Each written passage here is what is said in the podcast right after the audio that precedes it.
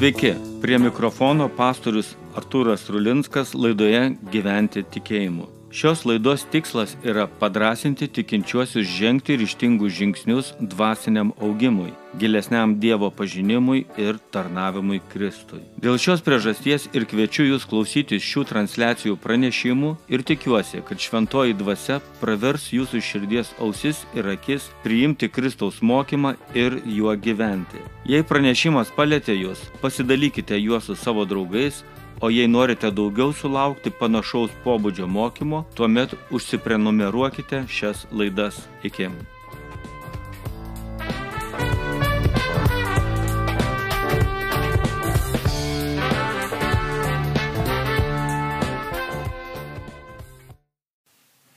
Žmogus pagal Dievo širdį. Skestančiam šiaudas nepadės. Pagal 1 Samuelio knygą 28 skyrių. Mes einame toliau Samuelio knygos puslapiais, kurie mums neša Dievo žodį, kurie taip pat neatsižvelgiant į dienos temą kalba apie gyvenimą, pasirinkimus, klyskelius ir sprendimus. Kartais gyvenime, o faktiškai visiems žmonėms atsitinka taip, kad reikia griebtis net už šiaudo, kad nepaskestum. Nebūtinai vandenyje, bet galbūt santykiuose, kuriuose nenori būti, galbūt kasdieninės pilkumas beprasmybėje, galbūt praradimuose. Raštas mus moko griebtis ir laikytis ne paskutinę akimirką ir neužšiaudo, bet visą laiką už viešpaties. Šiandien mes pažvelgsime į istoriją, kada ir šiaudas skestančiam buvo paskutinė viltis. Kalbėsime apie karalių Saulių. Pirmiausia, būtinybė išgirsti. Skaitau 1 Samuelio knygos 28 skyriaus 6-8 eilutės. Saulis teiravosi viešpatės, bet viešpats jam neatsakė nei per sapnus, nei per urimus, nei per pranašus. Tuomet Saulis tarė savo dvariškiams, suraskite man moterį iššaukiančią vėlės, pas kurią galėčiau nueiti ir pasiteirauti. Dvariškė jam pasakė, kad Endorė yra moteris galinti iššaukti vėlės. Saulis persirengė, apsivilko kitus drabužius ir leidosi į kelionę su dviems vyrais. Jie atėjo pas tą moterį nakčia. Saulis tarė jai, prašyčiau išburti man per vėlę, iššauk man tą, kurį pasakysiu. Šis pasakojimas visų rimtumu pažvelgia į žmogaus gyvenusio atitolus nuo viešpaties gyvenimo tragizmą. Kalbėdami apie Saulį, pirmiausia mes prisimename Saulių karalių, kuris valdė Izraelį 40 metų. Jis buvo stiprus lyderis, subūrė Izraelio gentis ir savo gyvenimo eigoje gana sėkmingai kovojo prieš nuolatinius Izraelio priešus Filistinus. Taip pat jis labai rūščiai elgėsi ir su savo valdiniais, kuriuose išvelgdavo nepritarimą jo vykdomai politikai. Galbūt teisinga būtų karalių Saulio apibūdinti kaip tvirtai žinanti, ko jis nori, stiprų lyderį, nesitaikstanti nei su žmonių, nei su kokia kita nuomonė. Jo gyvenimo vizija būtų Izraelis turi būti stipri valstybė, o karaliaus Sauliaus šeima likti jos monarchais. Šis pasakojimas apie šio tvirto lyderio kritimą, kurio priežastis yra nepaklusnumas Dievui, paneigtas tikėjimas. Dabartinio pasakojimo metu Izraelyje Saulis yra be konkurencijos. Dovydas baimindamasi Sauliaus pasitraukė į užsienį, o Samuelis yra miręs. Kova vėl su filistinais. Tačiau šį kartą atžygiavus seniems priešams pulti Izraelį, Saulis pamatęs jų kariuomenės dydį išsigasta. Sauliaus išgastis nėra unikalus Sauliui. Faktiškai dauguma žmonių tam tikrame savo gyvenimo etape išgyvena stiprų baimės jausmą. Ir suprantama, tokiu metu svarbiausias klausimas yra, ką dabar reikėtų daryti o reikia vilties ir pastiprinimo. Saulis dabartiniu metu ieško pagalbos. Galbūt užtektų jam šalia esančio patikimo žmogaus, kuris jam primintų anksčiau kovotas kovas, primintų pergalės iškovotas neligioje kovoje ir žiūrėk, karalius Saulis sustiprėtų ir kovotų už savo tautos ir šeimos teisės. Deja, tokio žmogaus Sauliaus aplinkoje jau nebėra. Reikia autoritetų. Taip elgėsi ir Saulis. Pirmiausia, jis teiraujasi viešpatės, laukia pagalbos iš jo. Tai yra, ką žmonės daro, kai jie atsiduria beviltiškoje situacijoje. Dažniausiai gyvenus atstumiant Dievas, taiga yra prisimenama, kad yra Dievas, kurio galima paprašyti padėti, apie kurį Biblija kalba, kaip apie žmonėms gero norinti Dievą ir jiems padedantį. Saulis prašo viešpaties jam kalbėti asmeniškai, nesulaukęs atsakymo, jis kviečiasi aukščiausiai kunigą, kuris nešioja urimus ir tumimus, ateitį pasakančius akmenis ir vėl nieko neišgirdęs, jis ieško patarimo iš pranašų. Kaip matome, iš viešpatės Saulius negauna jokio žodžio. Panašias situacijas mes matome ir dabar. Kai gyvenimas mums ar kam nors iš mūsų eina savo įprastą vagą, būna gerai. Tačiau kai tik tais žmogui ar jo brangiam artimui atsitinka nelaimė, netektis, rimta lyga arba, sakykime, jis tampa sužalotas visam gyvenimui, gana greitai yra prisimenama, kad yra Dievas ir tuomet žmogus kurį laiką tampa perdėtai, nenutraliai pamaldus, religingas. Dievas tampa reikalingas ne dėl to, kad jį garbinti, bet kad suteiktų paslaugą, toks paslaugų teikėjas, išgelbėtų iš nelaimės. Kaip pasakojame matome, viešpaties atsakas į tokią mąstyseną yra tyla. Reikia sprendimo. Ką paprastai žmonės daro, kada kažkas yra labai reikalinga, kada žudbūt turi būti surastas sprendimas, tačiau nėra kas padėtų. Vagis sako, jam reikia vokti, nes jis neturi ko valgyti. Studentas sako, jam reikia nusirašyti, nes kitaip neišlaikysi egzamino ir negaus stipendijos. Ligonis sako, reikia duoti kišį gydytojui, kitaip jis nesakingai darys operaciją ir teks daugiau kentėti. Saulis sako, reikia eiti pas būrėją, nes tokiai armijai nugalėti reikia ant gamtinės jėgos, o viešpats tyli. Pastebėkime tokį dalyką. Jeigu iki tos rimtos gyvenimo krizės nebuvo gyventa su Dievu, tuomet krizėje dėl gerų norų, dėl gerų paskatų dažniausiai bus elgiamasi neteisingai. Ką tik reikėjo Dievo, o dabar jau gerai net ir susitikti su burėja. Burėjos, kadangi prieš Dievo valią kišasi į dvasinį pasaulį, Izraelio žemėje buvo uždraustos ir išnaikintos. Dievas žmonės, kurie burtininkauja, liepia bausti mirtimi, todėl ir jaunoje Izraelio valstybėje buvo primtas toks nuožmus įstatymas. Saulis rengėsi rūpais, kad jo nepažintų ir eina pas burėjo patarimo naktį, kuris yra nieko vertas. Ką galima žiūrint į šias eilutės pasakyti tokio padrasinančio tikintiesiems bažnyčiai? Pagalbos iš tiesų reikia ieškoti pas viešpatį. Tačiau ne tada, kada jau krizė beldžiasi į tavo gyvenimo duris, o dabar, kol esi sveikas, savo protę, turintis viziją gyvenimui, galintis dirbti ir daryti įtaką. Antra dalis yra apie vėlių iššaukimą. Pagal 1 Samuelio knygą 28 skyrių 15-16 eilutės. Samuelis tarė Sauliui, Kodėl sudrumstei man ramybę mane iššaukdamas? Man grėsia didelis pavojus, atsakė Saulis. Filistinai kariauja prieš mane, o Dievas pasitraukė nuo manęs. Jis nebeatsako man nei pranašus, nei per sapnus. Užtat ir iššaukiau tave, kad pasakytum, ką turėčiau daryti. Samuelis atsakė, kodėl klausi manęs? Juk viešpats pasitraukė nuo tavęs ir tapo tavo priešu. Tai, ką skaitome čia vykstant, šiais laikais yra vadinama spiritizmu. Kaip matome, dvasių iššaukimas arba spiritizmas yra gana senas ir veikiantis dalykas - susilietimas su nematerialiuoju, tačiau gyvu pasauliu. Spiritizmo senso metu žmonės dvasias kviečiasi ir su jomis kalbasi. Naiviems tai atrodo įdomus, netikintiems nesąmonė, dvasingumo ieškantiems ir matantiems, kad tai veikia yra gyvenimo krypties pasirinkimas. Dievo žmonėms tai yra siaubas, nes Dievas apie tai kalba tolygiai tarsi apie mirtį. Kaip matome, dvasių iššaukimas yra labai skirtingai vertinamas, tačiau mes turime į jį atsižvelgti Dievo vertinimu pirmiausia. Mūsų tautoje, kur keletas kartų gyveno ateizmo ir netikėjimo idėjų palaikoma, tačiau tuo pačiu yra paviršutinis religingumas, kuris labiau primena tikėjimą prie tarais, todėl tokie dalykai kaip spiritizmas, dvasių iššaukimas, tikėjimas ant gamtinėmis galimis yra labai gyvas ir netgi populiarus. Prisiminkime, netgi keli buvę prezidentai turėjo asmeninę ekstrasensiją. O ką jau kalbėti, kiek esame girdėję apie savo giminės, pažįstamus, draugus tikinčiais horoskopų prognozėmis, ėjusius konsultuotis pas ekstrasensus, bioenergetikus, netradicinio liaudės medicinos specialistus. Vėlių iššaukimas ir pokalbis su mirusiųjų pasaulio atstovais iš tiesų yra bendravimas su šetonu arba jo demonais. Taip pat prisiminkime Saulių, ne kaip žmogų, kuris buvo kupinas Dievo artumo, tačiau kaip žmogų, kuris nuolat dėl savo nepaklusnumo viešpačiui kentėdavo nuo piktųjų dvasių. Ir šios kritinės situacijos metu jam atrodo, jis daro dvasišką dalyką, kai iš tiesų jis pasineria į akultinę praktiką.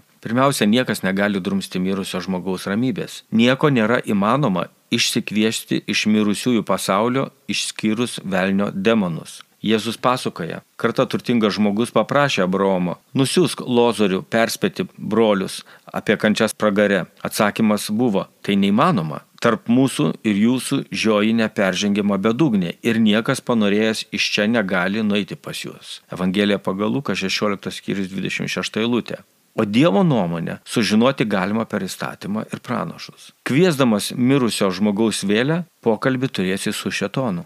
Be to, neragonų ir ekstrasenso galioje yra drumsti žmonių ramybę ir juos iškviesti į šį pasaulį, kada jos tik nori.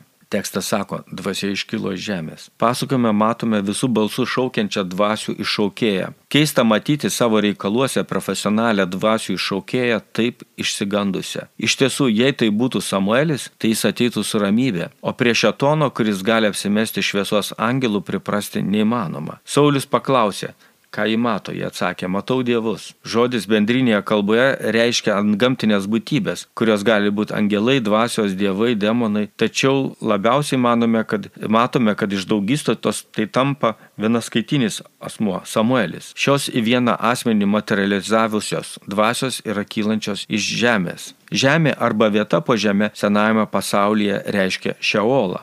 Izaijas, pavyzdžiui, apie Šeolą kalba taip. Šeolas po žemę ruošiasi tave priimti, žadina visą žemės valdovų šešėlius tave pasveikyti ir kelia iš sostų visų tautų karalius. Visi prabylo ir sako tau, dabar tu bejėgis kaip ir mes, tu toks pat kaip mes, tavo didybė ir visa tavo arfo muzika nugramzdinta į šeolą, tavo guolis lervos, o tavo apklotas kirmelės. Izaijas 14 skyrius 9-11 eilutės. Kaip girdime, Šeolas ne per nago juodimą neprimena dangaus. Taip pat kitas pranašas Ezekielis aprašo žmonės siunčiamus žemyn į, gel, į žemės gelmes, į kapą. Dievas pasitraukė nuo manęs, Užtat ir iššaukiau tave, taip kalba Saulis. Saulis gyvendamas prieš Dievo žodį, suprasdamas, kad Dievas pasitraukė nuo jo, kviečiasi žemiausią Dievo pranašą ir tikisi, kad Samuelis, nesutikdamas su Dievo nuomonė, kalbėsi su juo, suteiks patarimą nelogiška, naivu ir netgi kvaila. Jeigu Dievas nekalba, tai Dievas neduos kalbėti ir jam pavaldžiam pranašui. Tačiau čia veikia kita mąstysena. Jei man Dievas nepadės, tuomet darysiu bet ką, gal net kreipsiuos pasvelnę ir pas jį rasiu pagalbą. Faktiškai toks pat yra ir Gėtės aprašomas Faustas, kuris gaudamas jaunystę ir galės pažada šetonui savo sielą. Ne visi tokiu atviru tekstu ir tokia sandora kaip Faustas dėl galio aukoja savo sielą, tačiau šioje scenoje mes matome Saulių rizikuojantį viskuo, kad tik gautų patarimą, kaip nugalėti Filistinus. Sauliaus veiksmas mums skelbia labai svarbę vieną žinę. Ieškoti ir eiti mes turime ne pas vėlių iššaukėjas, o įtikinčiųjų susirinkimą. Šauktis mes turime viešpatės ir tokiu laiku, kada jo dar turime. Bijodami dėl savo gyvenimo pabaigos, stiprybės semkimės iš viešpatės žodžių, prisimindami jo gerumo ir išgelbėjimo darbus, o ne iš burtininkių dvasių regėjimų. Ir trečia, pagal šį tekstą pavadinau šią dalį pranašystė mirčiai. 1 Samuelio 28 skyrius 16, 18, 20 eilutės. Kodėl manęs klausė? Juk viešpats pasitraukė nuo tavęs ir tapo tavo priešu. Kadangi nepaklausėjai viešpaties balso ir neįvykdė jo degančio pykčio ant Amaleko, viešpats ir tau padarė tai šiandien. Be to viešpats įduos Izraelį draugė su tavimi į rankas Filistinams. Rytoj tu ir tavo sūnus būsite su manimi. Viešpats įduos ir Izraelio stovyklą Filistinams į rankas. Apimtas siaubo nuo Samuelio žodžių, Saulis toj pat sukniubo žemėje. Labai įmanoma, kad iškvestos dvasios kalba, tačiau tai, ką kalba, yra lemtinga. Dažnai jos pasako pusiau tiesą. Ir todėl tikėjimas štai tokiais dalykais sustiprėja ir žmogus tampa tik labiau prisirišęs prie ezoterinių dalykų. Ši vėlė, kuri kalbėjo Sauliai, kalbėjo apsimetusi Samueliu, ir tik patamsino beviltišką Sauliaus padėtį ir šio pokalbio pasiekmė buvo Sauliaus savižudybė mūšio su filistinais įkarštyje. Tai ir yra savo nuosės kišimo į kitą pasaulį pasiekmė. Jeigu čia būtų Samuelis, tai tuo labiau karalius būtų patyręs Dievo karalystės didybę ir ramybę. Jis net mirties akistotoje būtų Sauliui pataręs atgailauti ir ieškoti ramybės su Dievu, prašyti jo pasigailėti, parodyti jo klaidas, kad galėtų pasitaisyti. Šetonas apsimetęs Samueliu atpažino Saulių, nors Saulis ir atėjo paslapčia naktį. Pats Saulis nėra pajėgus atpažinti pas jį paslapčia ir apsimetusiai atėjusio šetono. Žmogaus jėgos yra nelygios grumtis su šio pasaulio tamsybių valdovais, nes žmogų jie pažįsta, tačiau žmogus iš savęs net nenutokia jų kilpų ir apgaviščių. Pirma, tikinama apgavystė yra, kad viešpats tapo tavo priešų dėl nepadarytų arba blogai padarytų darbų. Pranašų žodis šventajame rašte visada eina dviejopas. Paskelbus blogą žinę yra skelbiama žinia pasitaisyti. Jei tai būtų pranašas Samuelis, tai Sauliui būtų paskelbęs, kad jis yra Dievo pranašas, jis duotų patarimą, ką daryti, kad jis taptų Dievo draugu. Pranašo žodis Biblijoje visada pasakius blogą žinę, po to yra skelbiama žinia pasitaisyti. Šio pranašiško patarimo Saulis neišgirdo, o išgirdo tik vieną tiesos pusę. Kai buvo gundomas Jėzus, jis buvo gundomas cituojant Dievo žodį. Šetonas sakė, paversk akmenis duoną, tu gali tai padaryti. Vėliau sakė, šok žemyn nuo šventyklos stogo, tu nežūsi. Vėliau ragino, garbink mane, gausi visą pasaulį. Tik todėl, kad Jėzus pažino Dievo žodį, jis galėjo pasipriešinti šetonui ir nepulti. Saulius nemanė, kad tai yra svarbu gyvenime pažinti viešpati ir mokytis jo žodžio, todėl apgaulingai pasakyta frazė pasirodė kaip galutinis žodis ir Saulis puolė. Antra, tai žinia ne vien tik apie Saulius, bet ir jo sūnų ir tuo pačiu Izraelio pražūtį. Šetonas nekenčia Izraelio. Tai matyti per visą biblijinę ir pasaulinę istoriją. Saulis jau kovojęs kovas su filistinais. Ir jo dabartinė baime ne tiek, kad staiga filistinų labai daug padaugėjo, tačiau dėl to, kad gyvenant be Dievo jo baimės augo. Jis bijojo Davido arti, jis bijojo Davido, kai jis buvo toli. Filistino persvara atrodė įtikinama tiek Šetonui, tiek Sauliui dėl pralaimėjimo. Istorija pasakoja, kad Filistinai laimėjo mušį, bet ne kovą. Dar viena įdomi išvalga. Sauliaus lemtis yra sulyginama su dievo baimingojo Jehonatano lemtimi. Mirties pasaulis yra pristatomas kaip visiems žmonėms viena vieta. Toje pačioje vietoje pranašas Samuelis ir piktųjų dvasių valdomas Saulis. Taip nėra. Kur žmogus patenka po mirties, daugumai žmonių yra šio laikiniais laikais nelabai svarbu. Agnostikai yra tie, kurie neigia pažinimą, nes jiems viskas yra nežinoma. Dabartinė visuomenė yra ne tiek ateistinė, kiek agnostiška. Bus kas bus, o kas bus nežinome, tai ir nėra ko stengtis pažinti tai, ko neįmanoma pažinti. Yra tiesiog manoma, kad kažkur pateksim, o po to pamatysim. Tačiau kartais susivokiama, kad mirtis yra jau čia pat ir tik tuomet siaubas ima ir elgesys tampa tarsi kūdikio. Skaitome, kad pasirūpinti galintis ir nebijantis vyrai padeda Sauliui atgauti fizinės jėgas. Reikia tokių vyrų, kurie padeda atgauti jėgas. Ir čia yra bažnyčios darbas, tikinčiųjų darbas - suteikti jėgų žmonėms, kurie prarado viltį. Dauguma iš mūsų galvojame, kad vieną dieną šį pasaulį paliksime. Iš tiesų, kaip mes gyvename, kuo tikime, kaip matome savo gyvenimą, visa tai sugrįž. Biblijoje aprašomi daugeliu žmonių gyvenimai ir mirtis. Dovydas, kurį Saulis persekiojo, dar prieš mirdamas rūpinosi, kad būtų pastatyta šventykla, aukojo ir skatino didžiūnus aukoti dėl šventyklos statybos. Dovydas mirė ramybėje. O čia mes matome Saulių, kurio baimės išaugo ir kuris net ir griebdamasis paskutinio šiaudo už jo nepasilaikė. Pabaigai. Šiandien švento rašto tekstas kartu su Sauliumi mus atvedė ne į visai malonų, tačiau į realų pasaulį, nuo kurio mus nori apsaugoti Dievas, dėl ko mirė Kristus ir kuo tik mažiau žmonių patirtų šio pasaulio lemti ir globą. Susipažinome iš Dievo knygos su tuo pavojingo, tačiau tikrai egzistuojančiu pasauliu, kuriame po mirties atsiduria dauguma pasaulio gyventojų. Kažkodėl žmonės trokšdami susilieti su amžinybė dažniau ieško kontaktų būtent su mirusiuoju pasauliu negu su gyvuoju Dievu. Galbūt todėl, kad mistika, dvasios, vėlių iššaukėjai kelia baimės, o peržengdamas baimės žmogus jaučiasi tarsi nugalėtojas, o galbūt, kad tikrai šis mirusiųjų pasaulis turi savo atstovus šioje žemėje, kurios žmogus sujungia su mirusiaisiais ir duoda išgirsti, ką jie kalba. Kristus atėjo iš mirties, tačiau ne kaip vėlė, bet kaip gyvas žmogus. Jį matė paštalai, jį čiupinėjo, Tomas netgi savo pirštais patikrino jo žaizdas. Jis valgė maistą, daugiau nei 500 liudininkų tuomet patvirtino Jėzaus prisikelimą. Jėzus nešiaudas, bet uola. Už jo nesigrebėme, bet ant jo stojamės. Ne kad neskestume, bet kad gyventume ir galėtume kitam padėti. Iki pasimatymo.